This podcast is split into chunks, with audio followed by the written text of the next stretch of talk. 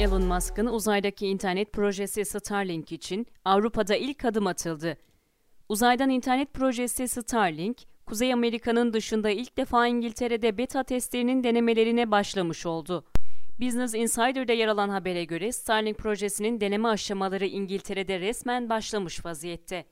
İngiltere'de bazı kullanıcıların uydu setlerini şimdiden teslim aldığı ve interneti kullanmaya başladığını belirtiyor. Uzaydan internet projesi Starlink'in bir ülkede hizmete girebilmesi için internetin kullanılacağı o ülke tarafından ilk önce resmi bir izin verilmesi gerekiyor. İngiltere Telekomünikasyon Sorumlusu Ofcom, SpaceX'e bu izni şu anda verdi. Starlink'in Ofcom'da izin almasıyla birlikte İngiltere piyasasına giriş yaparak şimdiden rakipleriyle mücadele etmeye başladı. Uydu internetinin İngiltere'deki fiyatlarına baktığımızda ise ABD ve Kanada'dakine yakın bir fiyat tarifesi uygulandığını görüyoruz. Starlink ücret tarifesi ilk bakışta yüksek maliyetli gibi dursa da buradaki Dikkat edilmesi gereken husus, SpaceX'in internetin yaygın olmadığı bölgelerde kullanmayı amaçlaması.